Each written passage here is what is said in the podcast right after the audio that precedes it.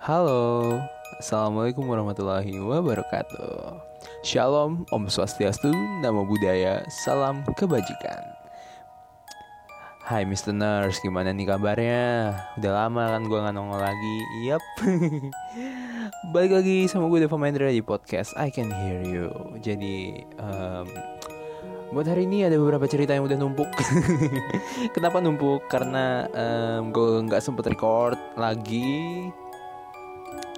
Gue nggak sempet record karena ya lagi-lagi gue masih masuk di pekan PKKMB. Ya, Unsika PKKMB-nya cukup lama ya, sekitar 4 hari, dua hari fakultas, dua hari universitas. Jadi ya lumayan lama. Jadi gue nggak sempet sempet take dan kebetulan hari ini adalah hari pertama gue fakultas sih uh, di universitas uh, apa namanya PKKMB fakultas ya. Jadi ini hari pertama dan ya lumayan capek juga sebenarnya tapi ya. Banyak teman-teman Mister Nurse di sana yang udah nagih-nagih Dav kapan upload? Dav kapan upload? Dav kapan upload? Aduh. Sementara yang di YouTube belum upload juga jadi gue mau fokusin dulu buat upload di Spotify lebih banyak. Jadi buat teman-teman uh, listeners buat listeners yang sering dengar di YouTube uh, jangan berkecil hati kalian bisa pindah dulu ke Spotify buat ngedenger cerita-cerita yang baru ya buat hari ini udah ada cerita dari teman gue namanya Elisa Oke, tentang judulnya paket tengah malam. Oke. Halo semuanya, perkenalkan nama gue El. Kali ini gue akan membagikan satu dari banyak kisah horor yang terjadi selama hidup gue. Gue sebenarnya juga nggak tahu sih, gue bisa lihat yang kayak gituan apa kagak, aka Six Sense. But kata family gue, kita emang ada keturunan kayak gitu. Salah satunya sepupu gue sendiri. Oke, nggak perlu lama-lama intermezzonya, langsung aja kali. Ini hal yang mau gue ceritain adalah pengalaman gue dan keluarga gue dikirim paket malam hari. Ya lu tau lah, apalagi coba ya santet, wika wika wika wika. Pernah sih waktu itu abang paket nganterin mesin cuci.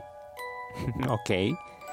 Nah, untuk masalah santet ini udah dua kali yang paling yang paling apa istilahnya itu impactnya besar kalau beberapa kejadian kayak ada tanah kuburan di depan pintu atau ada bunga kuburan sih mah udah biasa buat keluarga gue hal ini bermula pada saat pergantian tahun malam pergantian tahun 2014 ya kami semua sedang tidak ada di rumah hanya ada oma saya yang tinggal di rumah Katanya takut ada maling, makanya dia pilih stay. Pas kita semua udah pulang, oma gue bilang ke mama gue kalau dia lihat bola api terbang. Katanya terbangnya ke arah kamar mama gue. Tapi ternyata di balik lagi seperti berputar-putar. Ternyata sorry, ternyata dia balik lagi seperti berputar-putar di sekitar rumah. Dan pas oma gue tidur, ternyata dia malah nyasar ke oma gue yang bukan tujuan dia. Awalnya, awalnya sih gimana gimana, gak gimana gimana. Oma gue juga cuma terbangun dan akhirnya cerita kita sekeluarga tidak mengalami hal aneh, kecuali ya oma gue. Beberapa hari setelah itu kakinya terasa berat, seperti ada yang mengelendoti dan dia sulit berjalan. Eits, itu kalau siang hari aja ya. Kalau malam mah ah nggak usah ditanya, tambah parah bos. Gila kacau nih. Lama kelamaan kaki dia tambah sulit bergerak seperti orang lumpuh sehingga menyerang organ-organ lainnya seperti lambung. Disclaimer disclaimer aja, di sini kaum sebelah aka Shaiton emang akan menyerang organ pencernaan manusia yaitu lambung pertama kali. Kalau mau tahu jelasnya ya silahkan googling aja. Oke mbak. Awalnya kita biasa aja ngiranya itu sakit secara medis. Ini kayak quarter life crisis pertama gue sih. Soalnya keluarga gue itu sibuk sama urusan sendiri semuanya dan gue waktu itu juga sering ikut lomba-lomba masuk kelas aja gue nggak pernah bayangin coba terus suruh nungguin oma gue keluar masuk rumah sakit mana rumah sakitnya serem kalau malam gue suka dengar suara Miss K Wah anjir Kacau nih El Singkat cerita, setiap malam dibawa ke RS, oma gue kayak happy dan sama sekali gak tertekan. Beda banget pas di rumah. Di RS itu, dia sehat banget asli. Pas diperiksa juga gak ada penyakit apa pun. Tapi kalau dibawa pulang, dia kayak bukan dirinya.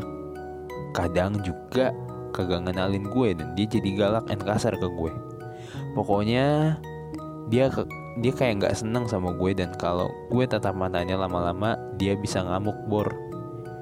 FYI, FYI aja nih. Gue ini anak broken home. Jadi gue ngerawat jadi yang ngerawat gue ya oma gue. Lah pas dia kayak gitu,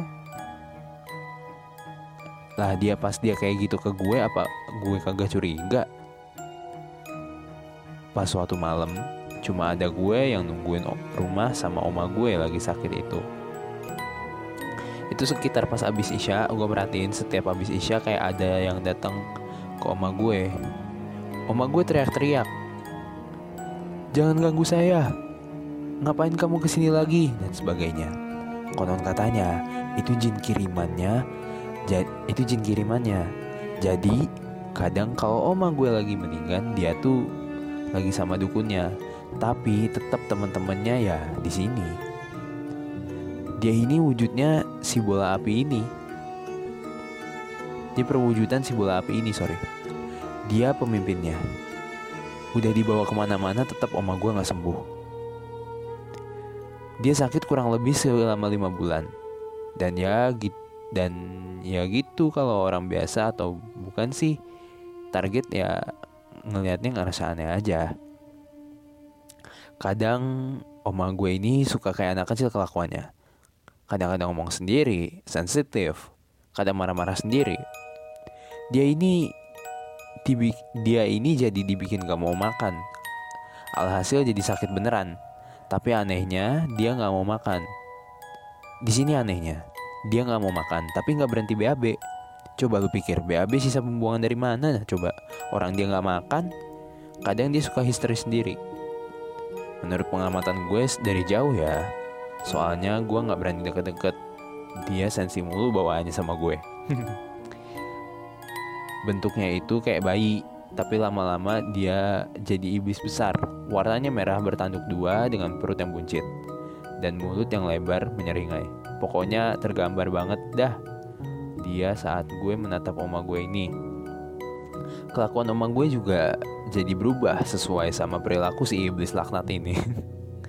akhirnya oma gue udah nggak bisa ditolong pada bulan kelima. Dia sakit akhirnya dan dia meninggal. Gue juga bingung mau bersyukur apa gimana. Soalnya target aslinya itu mama gue, tapi dia salah sasaran. Oh, malah kita semua juga nggak tega kalau oma gue mengalami penderitaan lebih lama. Gue tahu siapa pelakunya, tapi nggak bisa gue bilang. Nah, pelakunya ini sama kayak yang bakal ngirimin santet part, part 2 ini. Kejadian ini belum terlalu lama, sekitar bulan April kemarin. Ya, masih dengan orang yang sama, admin all shop yang mengirimkan paketnya tengah malam. Tapi kita udah pindah rumah ya, gengs. Eh, kok tetap dikirim sih paketnya? Gak, kenapa nggak nyasar aja? Hehehe. Oke.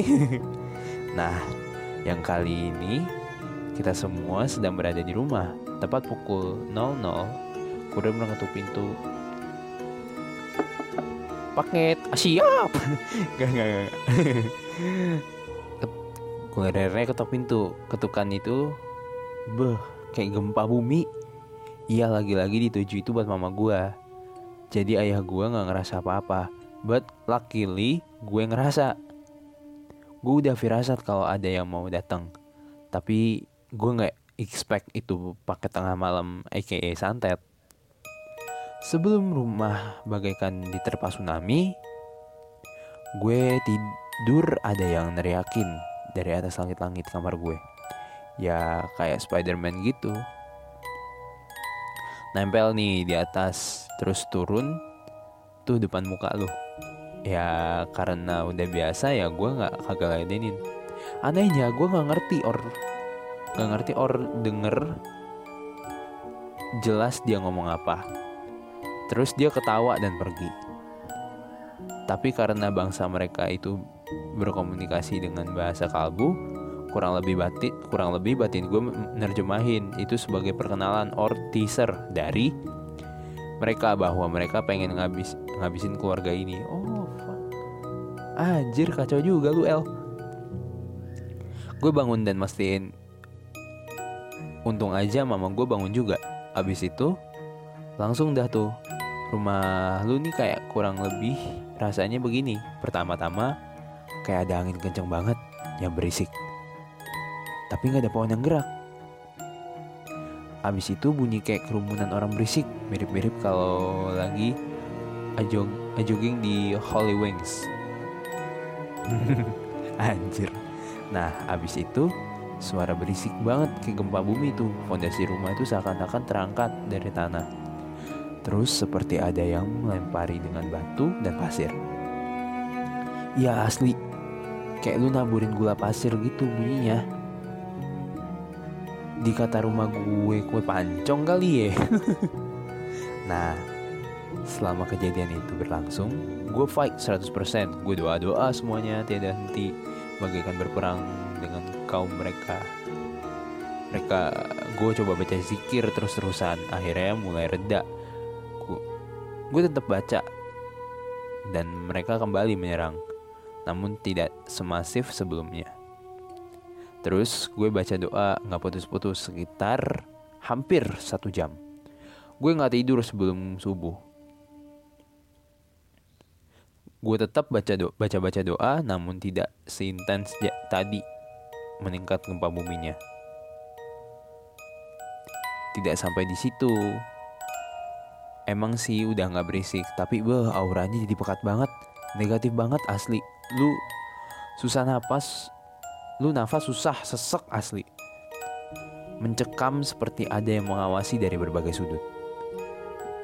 Buat ngetes gue kena si pengaruh mereka, gue sengaja tidur dong. Alhamdulillah gue sekeluarga gak ada yang mimpi buruk. Ini menjadi awalan yang bagus ya, biarpun masih panbol kita. Paginya kita zikir pagi, sore kita zikir petang, begitu terus sampai perlahan-lahan aura mistis itu terkikis. Bahasanya bu, aduh si ibu. Kena mental banget dong rumah lu dikirim gituan. Pas paginya gue menendi tiba-tiba ada laba-laba coba di kepala gue. Spontan gue matiin tuh laba-laba. Gue berasumsi gue ini gue, gue berasumsi gue nih yang kena pengaruh paket ini.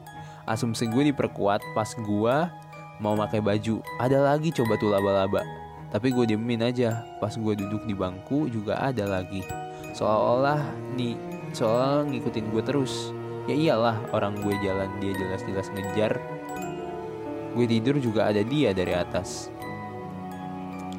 Gimana kagak panik coba? Terus gue googling kata laba-laba. Katanya laba-laba itu fireproof, aka pelindung. Buat kita dan sebaiknya tidak dibunuh. Udah, gue biarin. Lama-lama dia kagak terlalu ganggu. Itu laba-laba selama beberapa hari ada terus ya. Nah, kabar baiknya lagi, kita nggak pernah ada yang mimpi buruk. Ini berarti pas kita tidur, pun dia nggak bisa nembus pertahanan kita tapi tetap diganggu sih kayak waktu itu gue diganggu salah satu dari mereka adalah poci atau pocong banci anjir pocong banci ada pocong waktu itu di kamar gue baunya itu beh busuk banget asli.